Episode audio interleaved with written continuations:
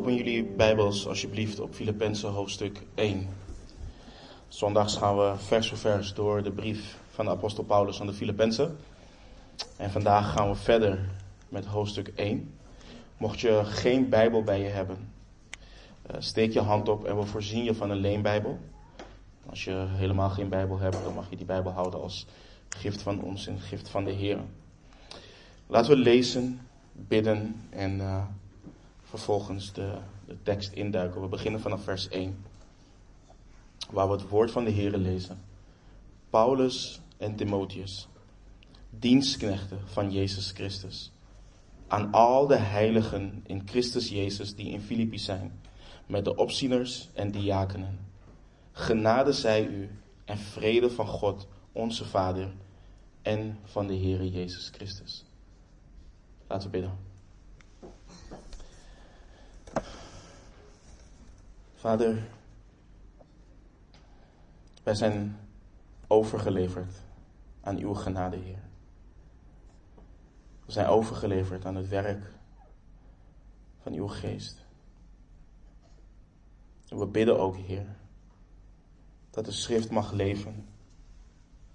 Dat we u mogen aanschouwen. Dat we meer van Christus mogen zien.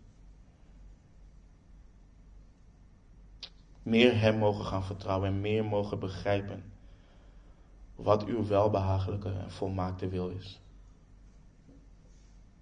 Wilt u tot ons spreken, Heer?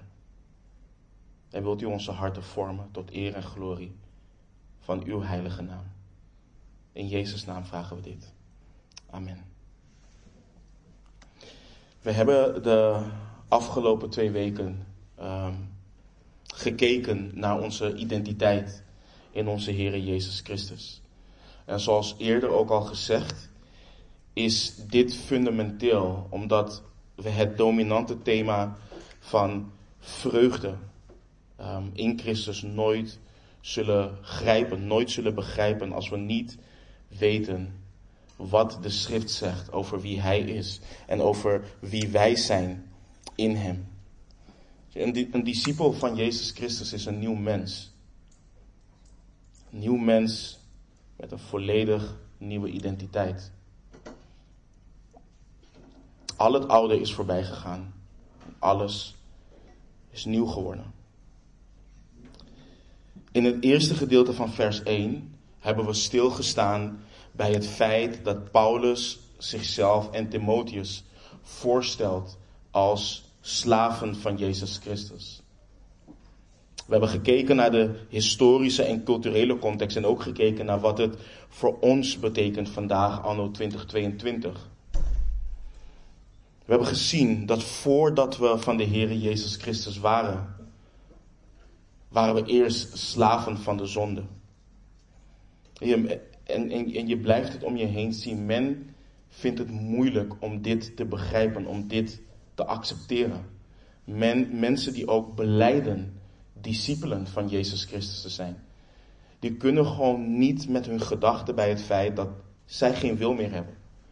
Dat het puur en puur en puur alleen om Jezus Christus draait. En dat voordat we in Christus waren, we niets anders deden dan de wil van het vlees en de gedachten. We gingen achter onze eigen begeerten aan. De vreze Gods stond ons niet voor ogen. We waren niet in staat om werken van gerechtigheid te doen. Om goede werken te doen overeenkomstig de wil van God. We waren gebonden door de zonde. En we hebben gekeken naar, oké, hoe zijn we dan slaven van de zonde geworden? Nou, Adam en Eva zijn veroverd, gevangen genomen in de Hof van Eden.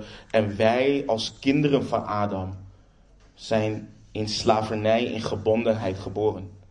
We hadden een schuld bij God en we hadden geen hoop. Want de schuld konden we zelf niet betalen. Vluchten voor de zonde was onmogelijk. Omdat we in onze gebondenheid ook nog eens hielden van de zonde.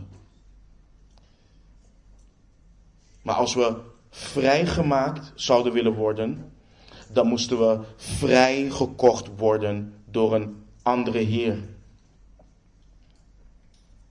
En dat is wat de Zoon van God heeft gedaan. Hij heeft de schuld betaald aan het kruis. Hij is de verzoening voor onze zonde en heeft ons vrijgekocht met zijn kostbare bloed als slaven van de zonde en ons zijn slaven gemaakt. We behoren hem volledig toe.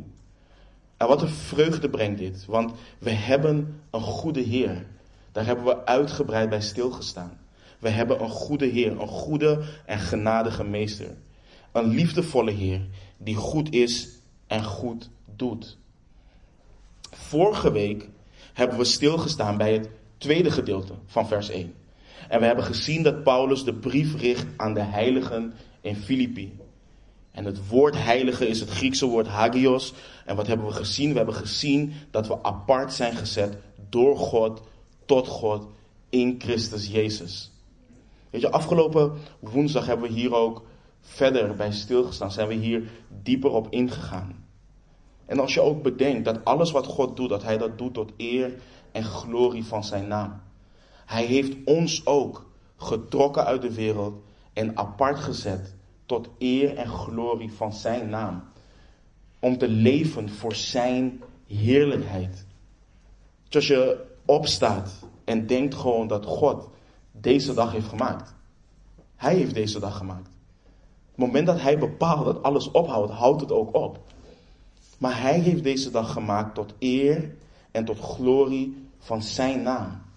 En de reden waarom wij als discipelen zuurstof in ons longen hebben, is tot eer en glorie van Zijn naam. Dus we zijn apart gezet, we zijn getrokken uit de wereld. En omdat we kinderen van God zijn en God heilig is, Hij is apart, anders in tegenstelling tot, horen wij te leven naar hetgeen wat God over ons zegt. Apart gezet. We horen als kinderen van Hem anders te zijn dan de wereld. Hoe wij zijn, wie wij zijn, wat we doen, hoe we leven, hoort in tegenstelling te zijn tot de wereld, maar in overeenstemming met wie God is, hoe God is en wat God doet en wat Zijn helsplan is voor deze wereld. Dus deze twee titels, deze twee posities, die, hebben we, die we hebben voor God, zijn verankerd in het goede nieuws. Ze zijn verankerd in het evangelie van onze Heer Jezus Christus. En dit wetende hoort ons ware vreugde te brengen. En kun je je voorstellen, we gaan hier later gaan we er wat dieper bij stilstaan, maar Romeinen 5 vers 10 leert ons dat we vijanden van God waren. Men wil niet op die manier van zichzelf denken wanneer ze in Christus zijn. Nou ja, ik zondigde. En ik dacht niet aan God. En ja, ik leefde in de wereld en ik leefde als de wereld. Maar de Bijbel zegt, je was een vijand van God. Efeze 2, vers 1 leert ons dat we dood waren door de overtredingen en de zonden. We waren niet ziek. We deden niet ongelukkig wat slechte dingen. Nee, geestelijk gezien waren we dood door de overtredingen en de zonden. En Romeinen 3 leert ons dat we allemaal hebben gezondigd en de heerlijkheid van God missen. En Romeinen 6 leert ons dat het loon van de zonde de dood is. En als je dit allemaal neemt, als je de waarheid neemt wat God zegt in zijn woord, en als je kijkt naar wie God is, we, zongen het net, en we lazen het net ook in Psalm 99, dat onze God heilig is. Vorige week zagen we ook, er is geen als Hem. Er is niemand als Hem. Met wie zouden we Hem kunnen vergelijken? Met niemand. Hij is licht. Er is in Hem in het geheel geen duisternis. Hij is rechtvaardig en zal oordelen over iedere vorm van ongerechtigheid. En we lezen ook in Exodus 34 dat hij goede tierenheid blijft bewijzen aan duizenden. Dat hij ongerechtigheid, overtreding en zonde vergeeft. Maar dat hij de schuldige zeker niet voor onschuldig houdt. En vaak lezen we dat, dat, dat eerste stukje. Daar, daar verblijden we ons in. Hè? Dat, um, dat hij vergeeft. En dat hij goede tierenheid blijft bewijzen aan duizenden. Maar als we dat tweede gedeelte pakken, Als we daaraan denken, hij houdt de schuldige zeker niet voor onschuldig. Dat brengt een dilemma met zich mee. Want we zijn allemaal schuldig. Iedereen is schuldig. Hoe kan hij dan vergeven? En dan aanschouwen we Christus.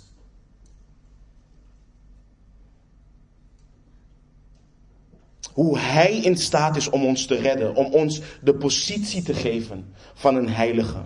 De positie te geven van een slaaf van Christus. En wat een vreugde brengt dat. Want door het werk van de Heer Jezus Christus aan het kruis zijn wij verzoend met God. Zijn wij zijn kinderen. Kinderen die Hij innig lief heeft. Waarvoor Hij alle dingen ten goede laat meewerken. Denk hieraan, broeders en zusters. We zijn gegaan van zijn vijanden naar zijn slaven. Naar heiligen in Christus. Dit is waar wij onze vreugde in horen te vinden. Dit is waarin wij ons mogen verblijden. Onze middelaar, onze hoge priester, onze zaligmaker Jezus Christus, onze Heere, de rechtvaardige. Maar Paulus schrijft in Filippenzen en hij laat zien dat we nog veel meer reden hebben tot vreugde. En dat zien we in de rest van de begroeting. En je kunt het zelfs ook als een zegenbede zien. Vers 2. Genade zij u en vrede van God, onze Vader en van de Heere Jezus Christus. De apostel Paulus begint al zijn brieven uh, met de groet of een variatie op deze groet. Het is aan, de, aan, aan uh, Timotheus, aan Titus, volgens mij aan Filemon ook, dat hij schrijft um, uh, dat hij daar ook nog barmhartigheid tussen zet. Maar in het Grieks begroeten de mensen um, elkaar met een Grieks woord, gyro, gario. Dit woord komt meerdere malen voor in het Nieuwe Testament en de betekenis hangt af van de context. In Handelingen 15:23 lezen we bijvoorbeeld dat het wordt gebruikt als een groet. Denk aan wanneer ook iemand zegt: wees gegroet. Dat was de standaardvorm van begroeting in deze, tijd, in deze tijd. Paulus echter, hij gaat veel verder dan dit. Dit is niet waar Paulus blijft. Paulus gebruikt in zijn begroeting niet het woord gario, maar het woord charis. Dit is het woord wat wij dus vertaald zien als het woord genade. En dit woord is een belangrijk woord. Het komt in het Nieuwe Testament meer dan 150 keer voor. In de basis betekent het gunst.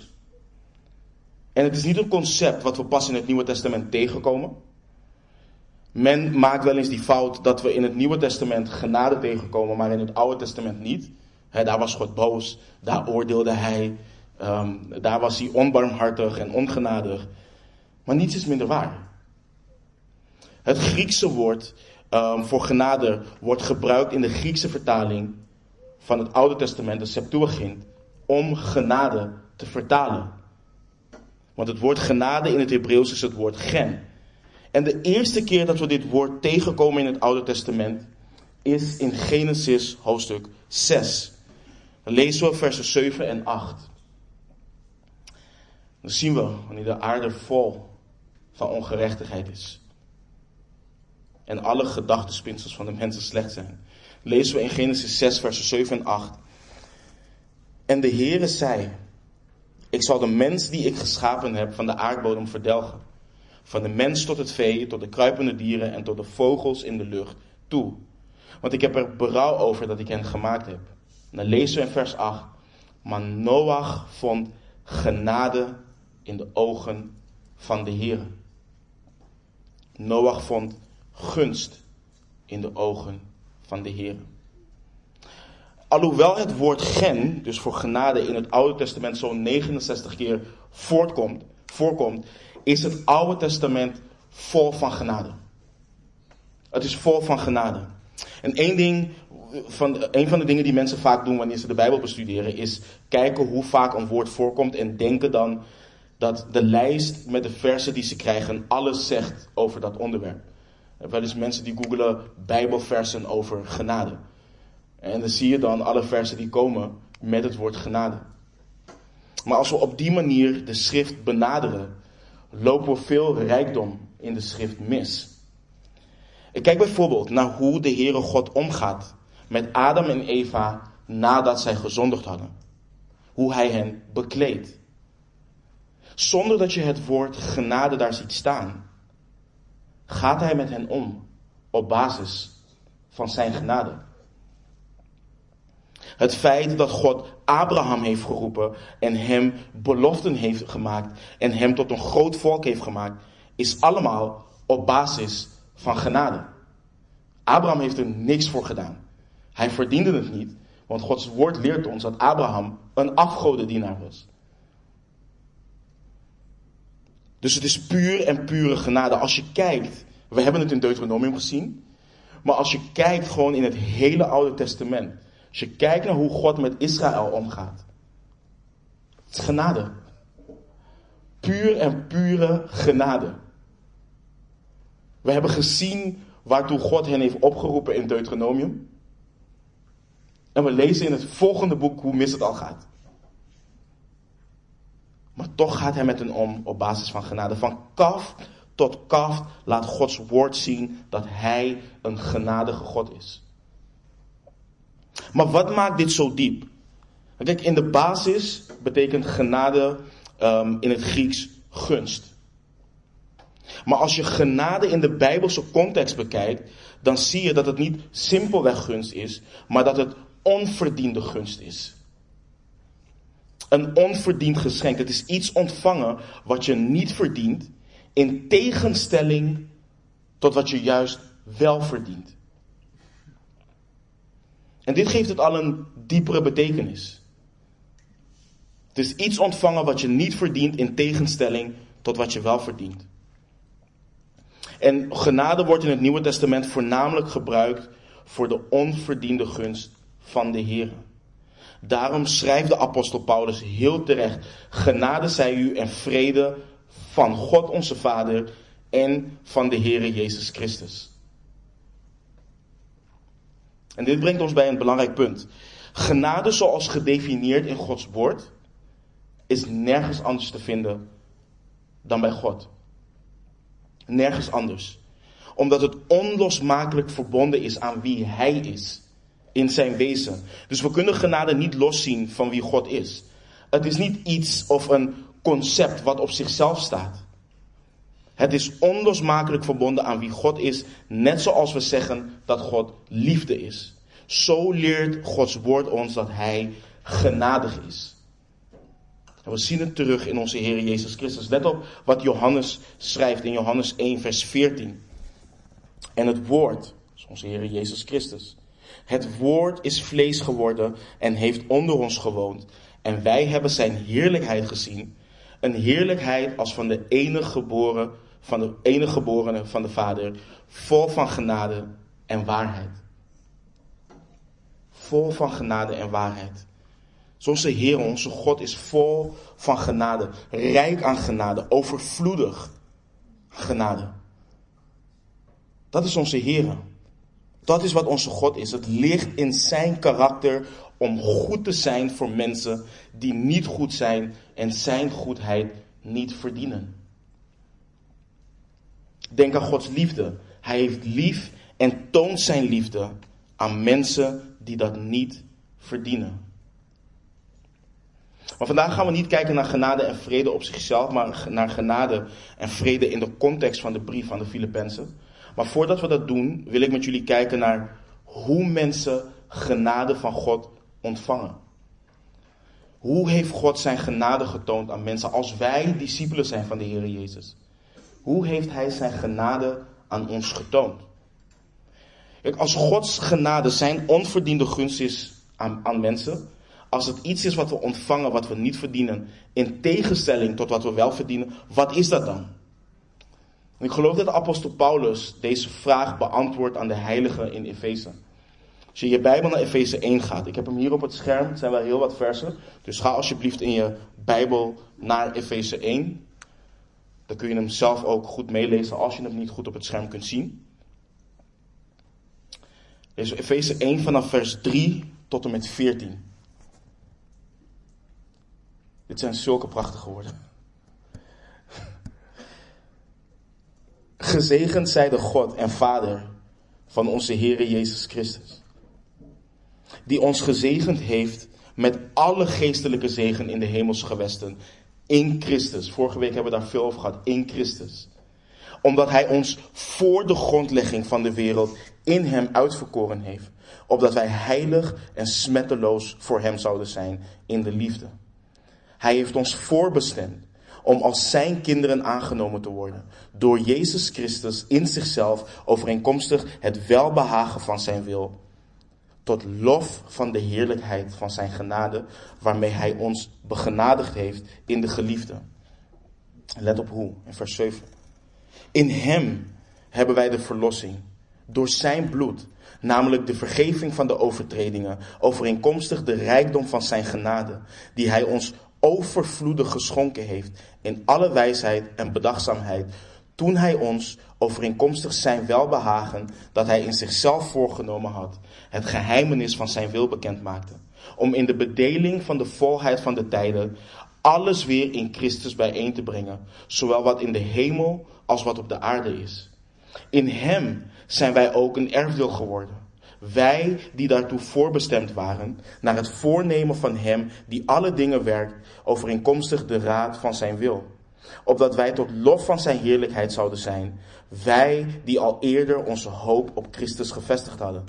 In Hem bent ook u, nadat u het woord van de waarheid, namelijk het evangelie van uw zaligheid, gehoord hebt.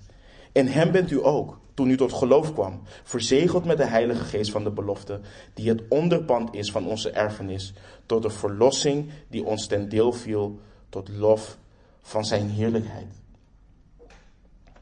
Ga nu alsjeblieft een stuk verder en laten we naar Efeze 2 gaan. Efeze 2, dan lezen we vanaf vers 1 tot en met 10. Paulus schrijft daar onder leiding van de Heilige Geest. Ook u heeft hij met hem levend gemaakt. U die dood was door de overtredingen en de zonde, waarin u voorheen gewandeld hebt, overeenkomstig de leefwijze van deze wereld, overeenkomstig de wil van de aanvoerder van de macht in de lucht, van de geest die nu werkzaam is in de kinderen van de ongehoorzaamheid, onder wie ook wij allen voorheen verkeerden, in de begeerte van ons vlees, door de wil van het vlees en de gedachten te doen. En wij waren van nature kinderen des toorns, evenals de anderen. Maar God, die rijk is in barmhartigheid, heeft ons door zijn grote liefde, waarmee hij ons lief gehad heeft, ook toen wij dood waren door de overtredingen, met Christus levend gemaakt. Uit genade bent u zalig geworden. En heeft ons met hem opgewekt en heeft hem en, heeft, en met hem in de hemelse gewesten in Christus Jezus in de hemelse gewesten gezet in Christus Jezus. Opdat hij in de komende eeuwen de alles overtreffende rijkdom van zijn genade zou bewijzen. Door de goede tierenheid over ons in Christus Jezus. Vers 8. Want uit genade bent u zalig geworden. Door het geloof. En dat niet uit u. Het is de gave van God. Niet uit werken, opdat niemand zou roemen. Want wij zijn zijn maaksel. Geschapen in Christus Jezus om goede werken te doen die God van tevoren bereid heeft, opdat wij daarin zouden wandelen. Weet je, wanneer mensen moeite hebben in, in, in, in samenkomsten, in de verkondiging van het woord, dat men tegen beleidende discipelen van de Heer Jezus praat over zonde, dan hebben mensen moeite met het woord van God. En dan hebben mensen ook moeite met de apostel Paulus bijvoorbeeld. Want de apostel Paulus schrijft wat onze staat was. Hij schrijft dat. Maar hij, hij maakt onder leiding van de Heilige Geest zo prachtig duidelijk hoe de genade van onze genadige God zichtbaar is geworden. hij heeft ons voor de grondlegging van de wereld in Christus uitverkoren. Voor de grondlegging van de wereld. Wij die dood waren door de overtredingen in de zonde. En de zonde. Wij die wandelden in de overtredingen en de zonde. Wij die wandelden, wij die leefden overeenkomstig de leefwijze van deze wereld. De wereld die vijandig gezind is jegens God. We waren ongehoorzaam. We waren instrumenten in de handen van de boze. We waren kinderen des toorns. Dat is wat wij verdienen. Dat is wat ieder mens verdient. Gods rechtvaardige toorn. Maar mensen willen dat niet horen. Mensen willen horen dat ze Gods liefde verdienen. Dat ze Gods genade verdienen. Maar dat verdienen we niet. En dat maakt het evangelie zo kostbaar. Dat maakt wat Christus heeft gedaan zo kostbaar. Nogmaals, voor de grondlegging van de wereld heeft God ons uitverkoren in Christus. Hij had bepaald, voordat jij en ik geboren waren, dat Hij ons zou overspoelen met Zijn genade. We hebben er niets voor gedaan. Wetend dat we een leven zouden leiden van rebellie, opstandigheid, haat, dat we als dwazen tegen Hem in zouden gaan. Ook al leefden we alsof er geen God was, ook al zeiden we dat er geen God was. Hij liet zien dat Hij er was, want in Zijn schepping is te zien dat Hij er is. Maar al te graag onderdrukten we de waarheid in ongerechtigheid. Weet je, en het zou volledig rechtvaardig van Hem zijn om een ieder van ons de zuurstof te ontnemen en ons te vergelden naar onze zonde. Het zal volledig rechtvaardig zijn. En denk aan hoe God zichzelf openbaart. Hij is goede tieren, hij is liefde, hij is barmhartig. Door zijn woord heen zie je dat hij een God is die zichzelf wilt geven aan mensen. En zijn goedheid wilt geven aan mensen. En mensen rebelleren tegen hem.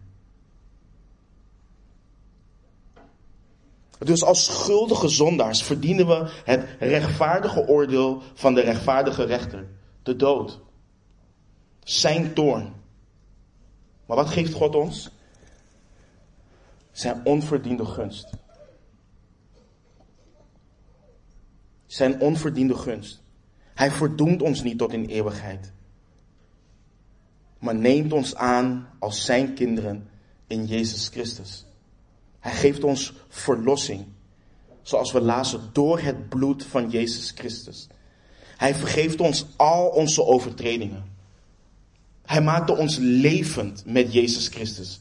Wij die van nature kinderen des toorns waren, heeft Hij met Christus levend gemaakt. En niet door wat wij gedaan hebben, nee, door het werk van Jezus Christus aan het kruis door zijn werk.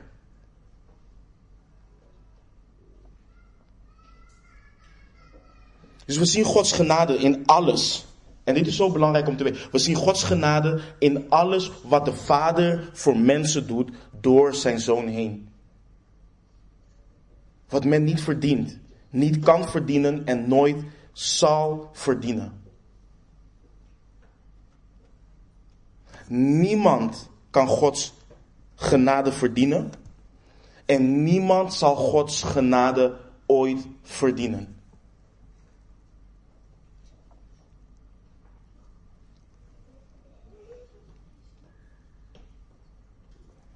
Als het hypothetisch gezien zo zou zijn dat je, wat mensen wel eens zeggen, voor de poorten van de hemel komt en God je zal vragen: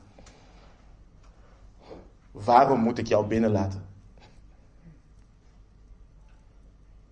Broeders en zusters, als je, niet, als je je niet beroemt en een beroep doet op de genade van Christus, dan kun je het vergeten. Dan kun je het vergeten. Denk aan de mensen waaraan de Heer Jezus Christus zei. Um, waarvan de Heer Jezus Christus zei, niet iedereen die Heere, Heere zegt. Waarop beroemen die mensen zich? Heer, maar wij hebben al deze dingen voor u gedaan. We hebben al deze werken voor u gedaan. Wij hebben demonen uitgedreven.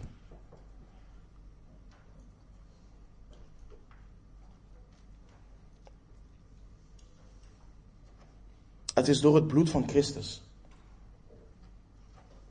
Het is door het werk van Christus. En Paulus schrijft ook in Efeze 1. Hij doet het allemaal tot lof van de heerlijkheid van zijn genade, waarmee hij, waarmee hij ons begenadigd heeft in de geliefde.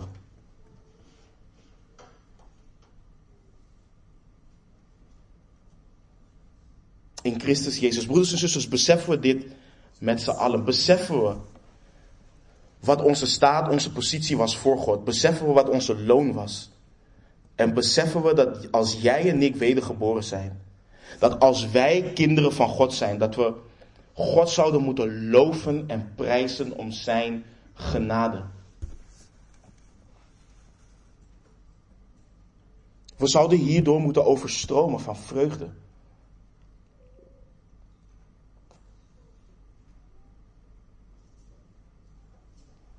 We zouden echt moeten overstromen van vreugde.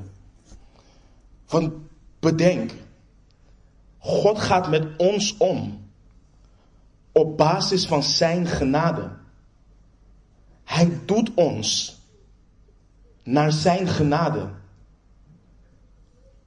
En het is door Zijn genade dat we zekerheid hebben van onze zaligmaking. Het is in wie Hij is. Daarom hebben we zekerheid.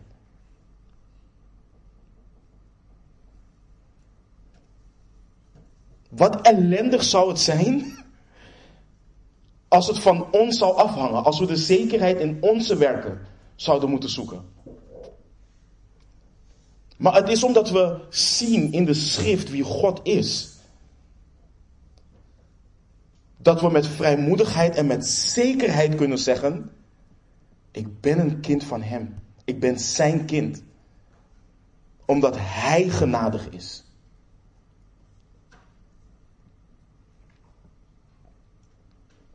Dit is zo kostbaar en zo prachtig, omdat genade ligt in de kern van, God, van wie God is. Kunnen we zekerheid hebben.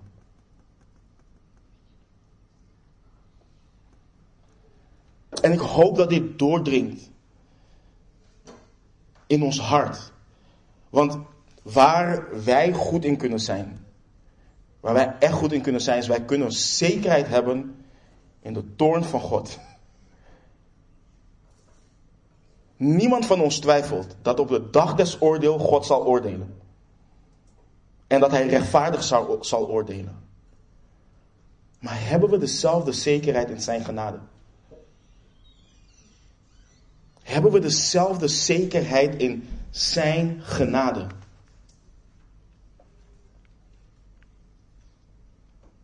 Verblijd je in de genade van God. Johannes schrijft in Johannes 1, vers 16 en 17. En uit zijn volheid. Let op, uit zijn volheid hebben wij allen ontvangen en wel genade op genade. Want de wet is door Mozes gegeven. De genade en de waarheid zijn er door Jezus Christus gekomen. Ik wijs naar Hem. Door Hem is de genade en de waarheid gekomen. En wat zo prachtig is, we hebben zekerheid van onze redding, onze zaligmaking door Zijn genade. Maar we hebben ook zekerheid van onze heiliging en ons behoud tot op de dag van Christus. Door zijn genade. Kijk bijvoorbeeld hoe Paulus, we gaan het over twee weken behandelen. Of volgende week, sorry. Behandelen. In Filippenzen 1, vers 6.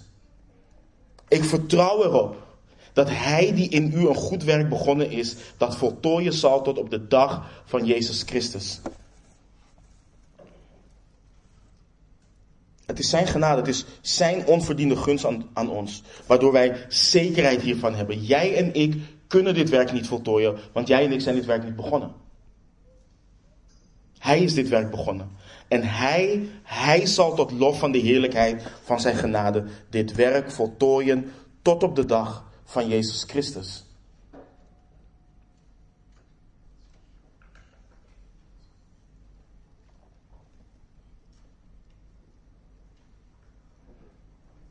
We hebben echt genade nodig. Weet je, we hebben genade nodig om stand te houden onder alle omstandigheden door onze gehoorzaamheid aan onze Heer Jezus Christus. We hebben genade nodig om het woord overvloediger, onbevreesd te durven spreken. We hebben het werk van Gods geest daarin nodig. Wij kunnen dit niet onszelf produceren.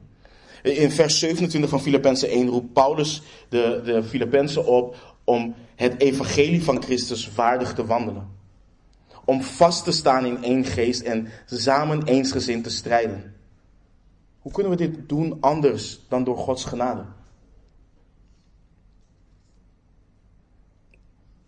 Hoe kunnen we dit doen anders dan als dat, God geeft wat we nodig hebben? Als we zijn kracht ontvangen om dit te doen, hoe zullen we anders waardig wandelen? Hoe zullen wij vaststaan in één geest en eensgezind strijden? Als wij geen genade ontvangen. En met de begroeting van Paulus laat Paulus weten aan de Filippenzen: dit is wat jullie nodig hebben. Jullie hebben genade nodig van God. Genade zij u. Dit is wat jullie nodig hebben.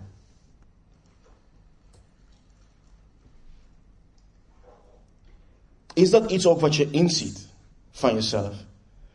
Dat je, genade, dat je genade nodig hebt. Als je dat inziet, prijs de Heer. Dat Hij jou een nederig hart heeft gegeven. Als je het niet inziet, verneder jezelf voor Hem. God keert zich tegen de hoogmoedigen. Maar aan de nederigen geeft hij genade. En genade is niet alleen voor hen die zalig gemaakt moeten worden. Genade is voor de discipel. Sterker nog, let op wat de apostel Paulus schrijft aan het einde van zijn, uh, apostel Petrus, sorry, aan het einde van zijn tweede brief.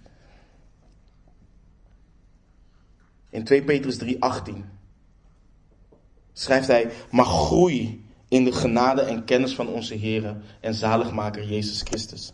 Hem zij de heerlijkheid, zowel nu als in de dag van de eeuwigheid.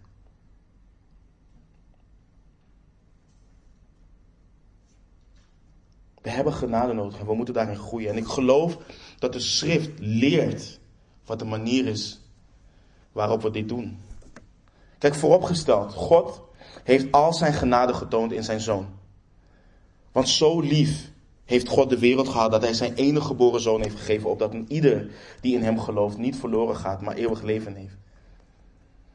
Waar, ons, waar, waar, onze broeder, waar de apostel Petrus over schrijft, heeft te maken met het volwassen worden in de genade wat ons getoond is in de Heer Jezus Christus.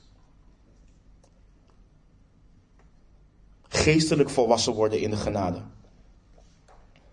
En ik geloof dat we dit doen door onder andere te volharden in de leer van de apostelen, in de gemeenschap, in het breken van het brood en in de gebeden. Dat is hoe wij groeien in Gods genade. Volharden in de leer van de apostelen, het woord van Christus in rijke mate in ons te laten wonen. Christus, God leren kennen en zijn volmaakte wil steeds meer leren onderscheiden.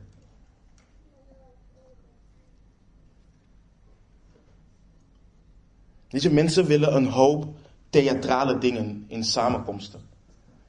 Mensen willen een hoop poeha in samenkomsten. Rollen, vallen, blaffen, al dat soort ongein.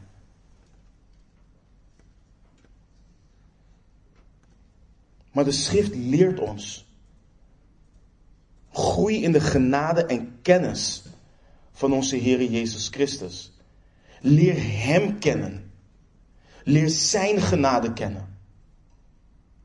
En waar anders heeft God zichzelf geopenbaard dan in de schrift?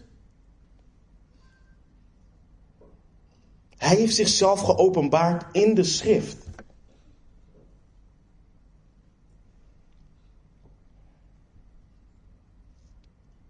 We moeten volharden in de leer van de apostelen om te kunnen groeien in de genade en kennis van onze Heer Jezus Christus.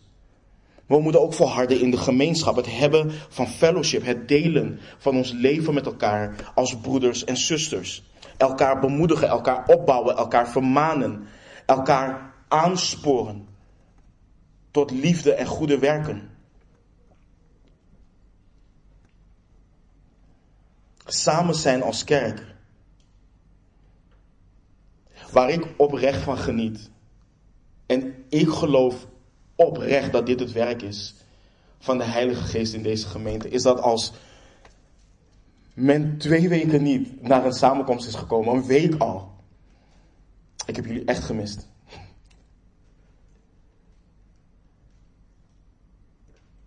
Dat is de liefde, de genade wat God uitstort in onze harten. Maar waardoor we ook groeien in genade en kennis van onze Heer. Want wanneer we samenkomen, dan hebben we het over de dingen van God. Dan hebben we het over hoe Hij werkzaam is in ons leven. Hoe we strijd ervaren, hoe we worstelen, hoe we struikelen en hoe we elkaar dus kunnen bemoedigen in de dingen van de Heer. We moeten volharden in de gemeenschap, volharden in het breken van het brood, het blijven gedenken samen van het woord van onze Heer Jezus Christus aan het kruis. Continu gewezen worden op de genade wat we hebben ontvangen door het breken van het brood. Iemand vroeg me ooit, of iemand vroeg, ik weet, ik weet niet of het alleen aan mij was, maar ook aan een van de andere van de broeders. Van ja, maar als jullie iedere week um, avondmaal vieren, verlies je je ontzag dan niet voor, voor het avondmaal? Als je je ontzag verliest, heeft dat niet met het avondmaal te maken. Dat heeft te maken met je hart. Maar wanneer wij tot dat brood naderen, wanneer wij daartoe naderen, dan gedenken we wat Christus voor ons aan het kruis heeft gedaan. En we kijken uit naar de hoop dat Hij op een dag terugkomt. Dat is wat we doen. En volharden in de gebeden. Bidden zonder ophouden. Al onze verlangens, al onze smeekbeden bij Hem brengen. En als je hier goed naar kijkt, dan zie je, ook al zijn we hier actief in, het is God die het werk in ons doet. Het is het werk van de geest in ons, wat genade op genade is. En wij als discipelen groeien in genade, hoe meer we leren begrijpen wat het werk is wat God voor ons gedaan heeft, wat Hij aan het doen is en wat Hij nog gaat doen. En in het licht daarvan leven, omdat we overgeleverd zijn aan Zijn genade. En daarom zegt Paulus in context eigenlijk tegen de Filippenzen. Mogen Gods overvloedige en liefdevolle genade met u allen zijn. Mogen Gods overvloedige, liefdevolle en onverdiende gunst met u allen zijn. Mogen God zelf met u zijn. Want dat is wat God geeft in zijn genade. Hij geeft zichzelf. En dit resulteert in het tweede wat de apostel Paulus voor hen wil, en dat is vrede. En het woord in het Grieks schetst een staat van ongestoorde rust, een staat zonder vijandschap. Het verwijst naar een staat van harmonie en welzijn. In het, in het gebruik van dit woord in de schrift zijn er echter verschillende aspecten van vrede die Gods uh, genade geeft, afhankelijk van de verschillende contexten. Wat overigens opvalt is dat in de begroeting vrede altijd na genade komt. Het komt altijd na genade. En ik geloof dat dit zo is, omdat als je naar de betekenis van dit woord kijkt, je nooit ware vrede zult kunnen ervaren als je niet Gods genade eerst hebt ervaren. Zonder Gods genade bevind je je namelijk nog in een, sta een staat van vijandschap jegens Hem. En kun je dus nooit ware vrede voor je ziel ervaren. Het bestaat niet.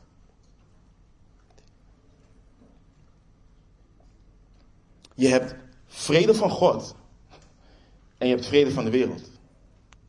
En dat zijn twee totaal verschillende dingen. En de vrede van God is een vrede wat deze wereld niet kent. Let op wat de Heer Jezus zegt. In Johannes 14, vers 27. Vrede laat ik u. En let goed op. Mijn vrede geef ik u. Niet zoals de wereld die geeft, geef ik die u. Laat uw hart niet in beroering raken en niet bevreesd worden. Christenen ontvangen de vrede van Jezus Christus, niet van deze wereld. Het is zijn vrede, het is vrede van God. En deze vrede, schrijft de apostel Paulus in hoofdstuk 4, van deze vrede gaat, uh, alle, deze vrede gaat alle begrip te boven. En als je kijkt naar wat we hebben behandeld over genade, dan begin je aan de oppervlakte te begrijpen waarom Paulus zegt dat dit alle begrip te boven gaat. Want iedere ware discipel waarvan God hen een nieuw hart heeft gegeven, ondanks het feit dat ze weten dat het genade is, blijft worstelen met een vorm van onwaardigheid. We hadden het hier afgelopen woensdag ook over. Het is die dunne lijn waarin je weet, oké, ik kan vrede, ik kan vreugde hebben in het feit dat ik gered ben. Maar aan de andere kant, als ik zondig ben, ik zo ellendig. En waarom houdt hij van mij? Waarom blijft hij zijn liefde over mij uitgieten?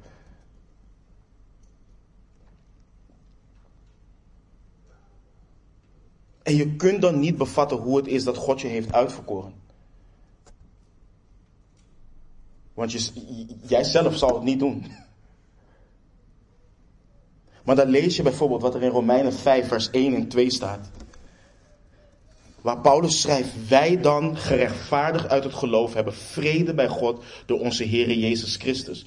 Door Hem hebben wij ook de toegang verkregen door het geloof tot deze genade waarin wij staan. En wij roemen in de hoop op de heerlijkheid van God. Dus het feit dat je gerechtvaardigd staat voor God, bekleed met de gerechtigheid van Christus en vrede hebt met God door Jezus Christus. Dat is wat vrede brengt voor de ziel. Dat is wat vrede brengt voor de ziel. Het brengt vrede weten dat je in vrijmoedigheid tot Gods troon der genade mag naderen door Jezus Christus. Het brengt vrede, een complete staat van harmonie, welzijn, ongestoorde rust, wetend dat Hij alles volbracht heeft. Dat de dood niet meer jouw einde is. Dat God jou zo heeft liefgehad en dat hij zijn liefde heeft bevestigd daarin dat Christus voor jou gestorven is toen jij nog een zondaar was.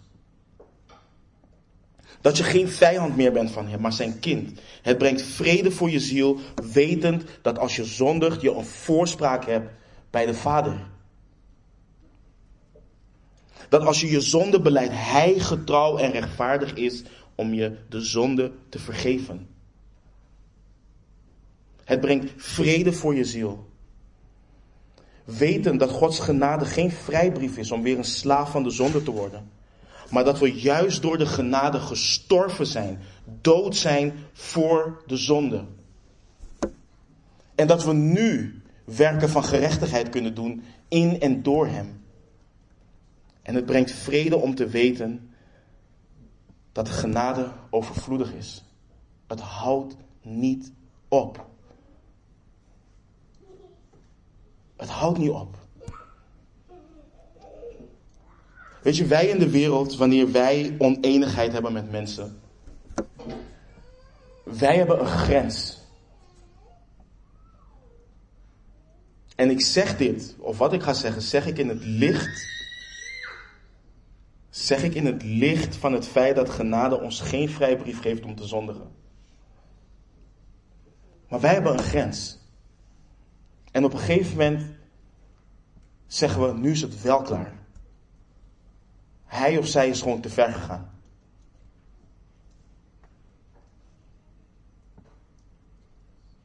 Maar voor de gebrokenen van hart, de gebrokenen van ziel, zij die nederig zijn van hart, Zij die een nieuw hart hebben uh, ontvangen in Christus, genade houdt voor hen nooit op. Het houdt niet op. Het is overvloedig.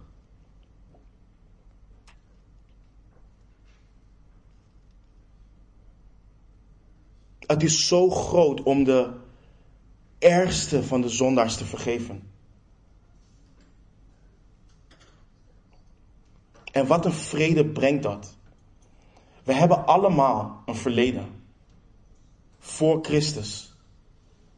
We hebben allemaal dingen waar we het liefst niet aan denken. Die we hebben gedaan, die we hebben gedacht, die we hebben gezegd. Wij allemaal.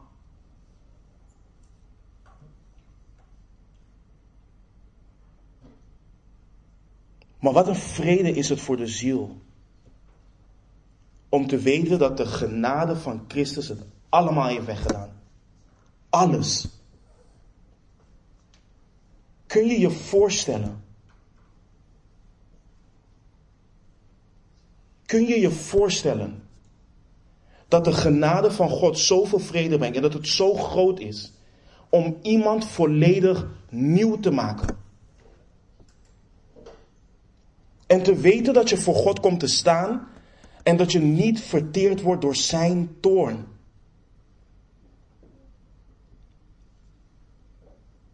Ik weet niet van jullie, maar het brengt mij vrede voor mijn ziel.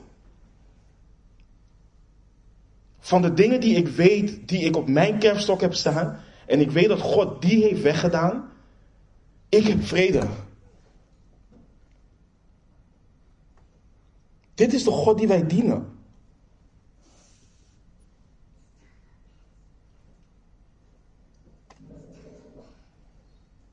Het brengt vrede om te weten dat God alles in de hand heeft. Dat Hij als koning van dit universum regeert over alles en iedereen. Dat Hij iedere situatie in zijn hand heeft. Dat niets gebeurt zonder dat Hij het weet. Weet je, het komt door God hè, dat discipelen van de Heer Jezus Christus, ware discipelen van de Heer Jezus Christus, ook al maken we ons soms zorgen, dat wij niet gebukt gaan onder lasten zoals mensen nu vandaag de dag gebukt gaan onder de lasten door de stijging van de gasprijzen, energieprijzen, inflatie, al die dingen. En ja, voor sommigen van ons zal het ongetwijfeld zwaar worden, ongetwijfeld zwaar zijn. Maar wat een vrede is het om te weten dat ook dit ook dit God in de hand heeft.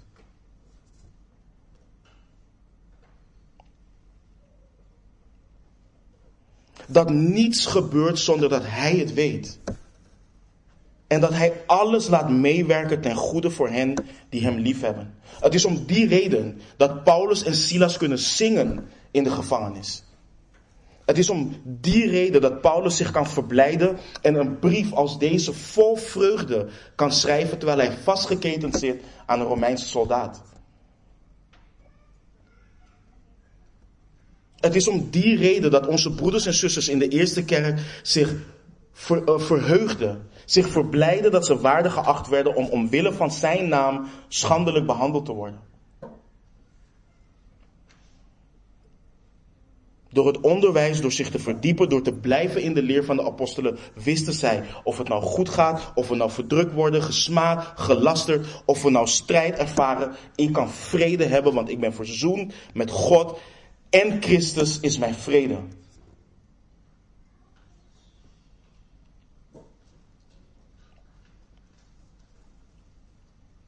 Is Gods genade jouw vrede? Broeder, zuster.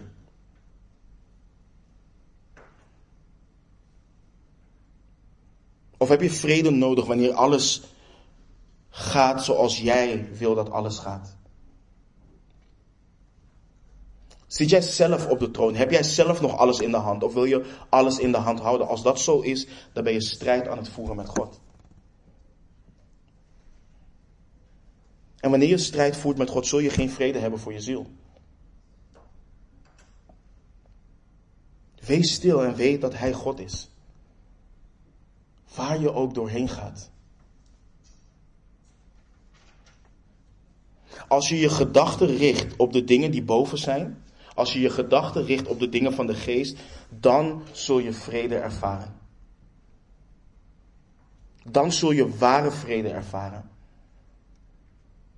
Let op wat Paulus schrijft aan de heiligen in Rome in Romeinen 8, vers 6.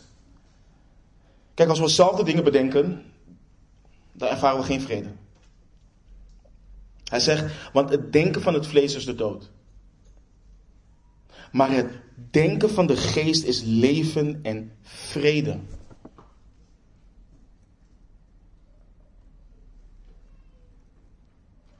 Als wij Gods vrede door Jezus Christus ten diepste willen ervaren, dan moeten we staan in onze identiteit als slaven van Christus.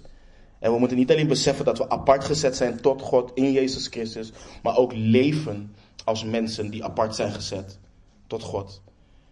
En we dienen te leven en groeien in de genade en de kennis van onze Heer. Want Hij is onze vrede. Hij is de God van vrede.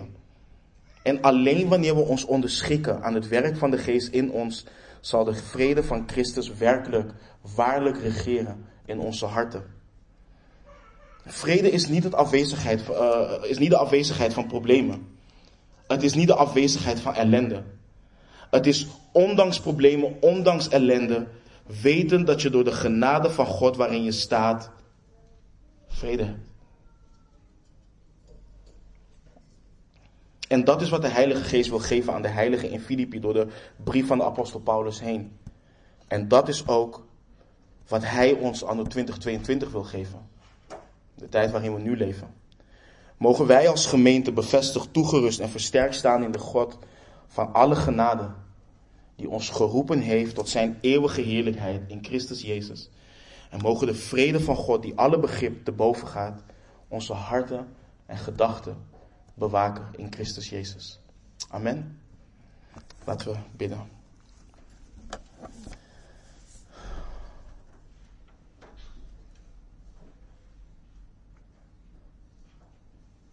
Oh God, wat is het zalig te weten dat onze Heer Jezus Christus onze vredevorst is.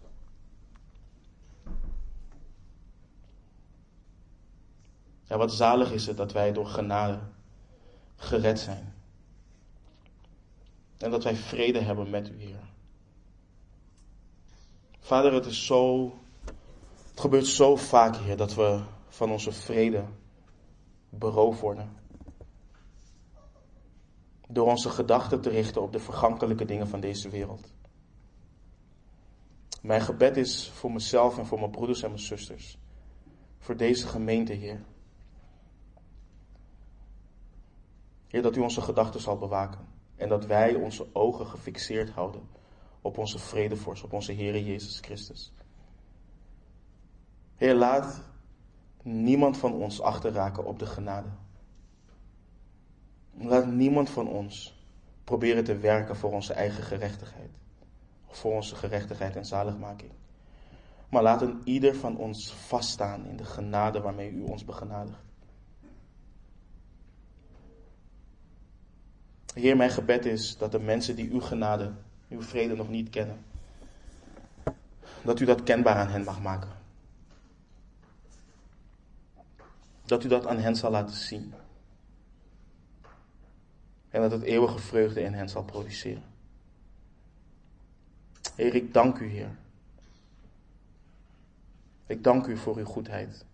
In de naam van onze Heer Jezus Christus. Amen.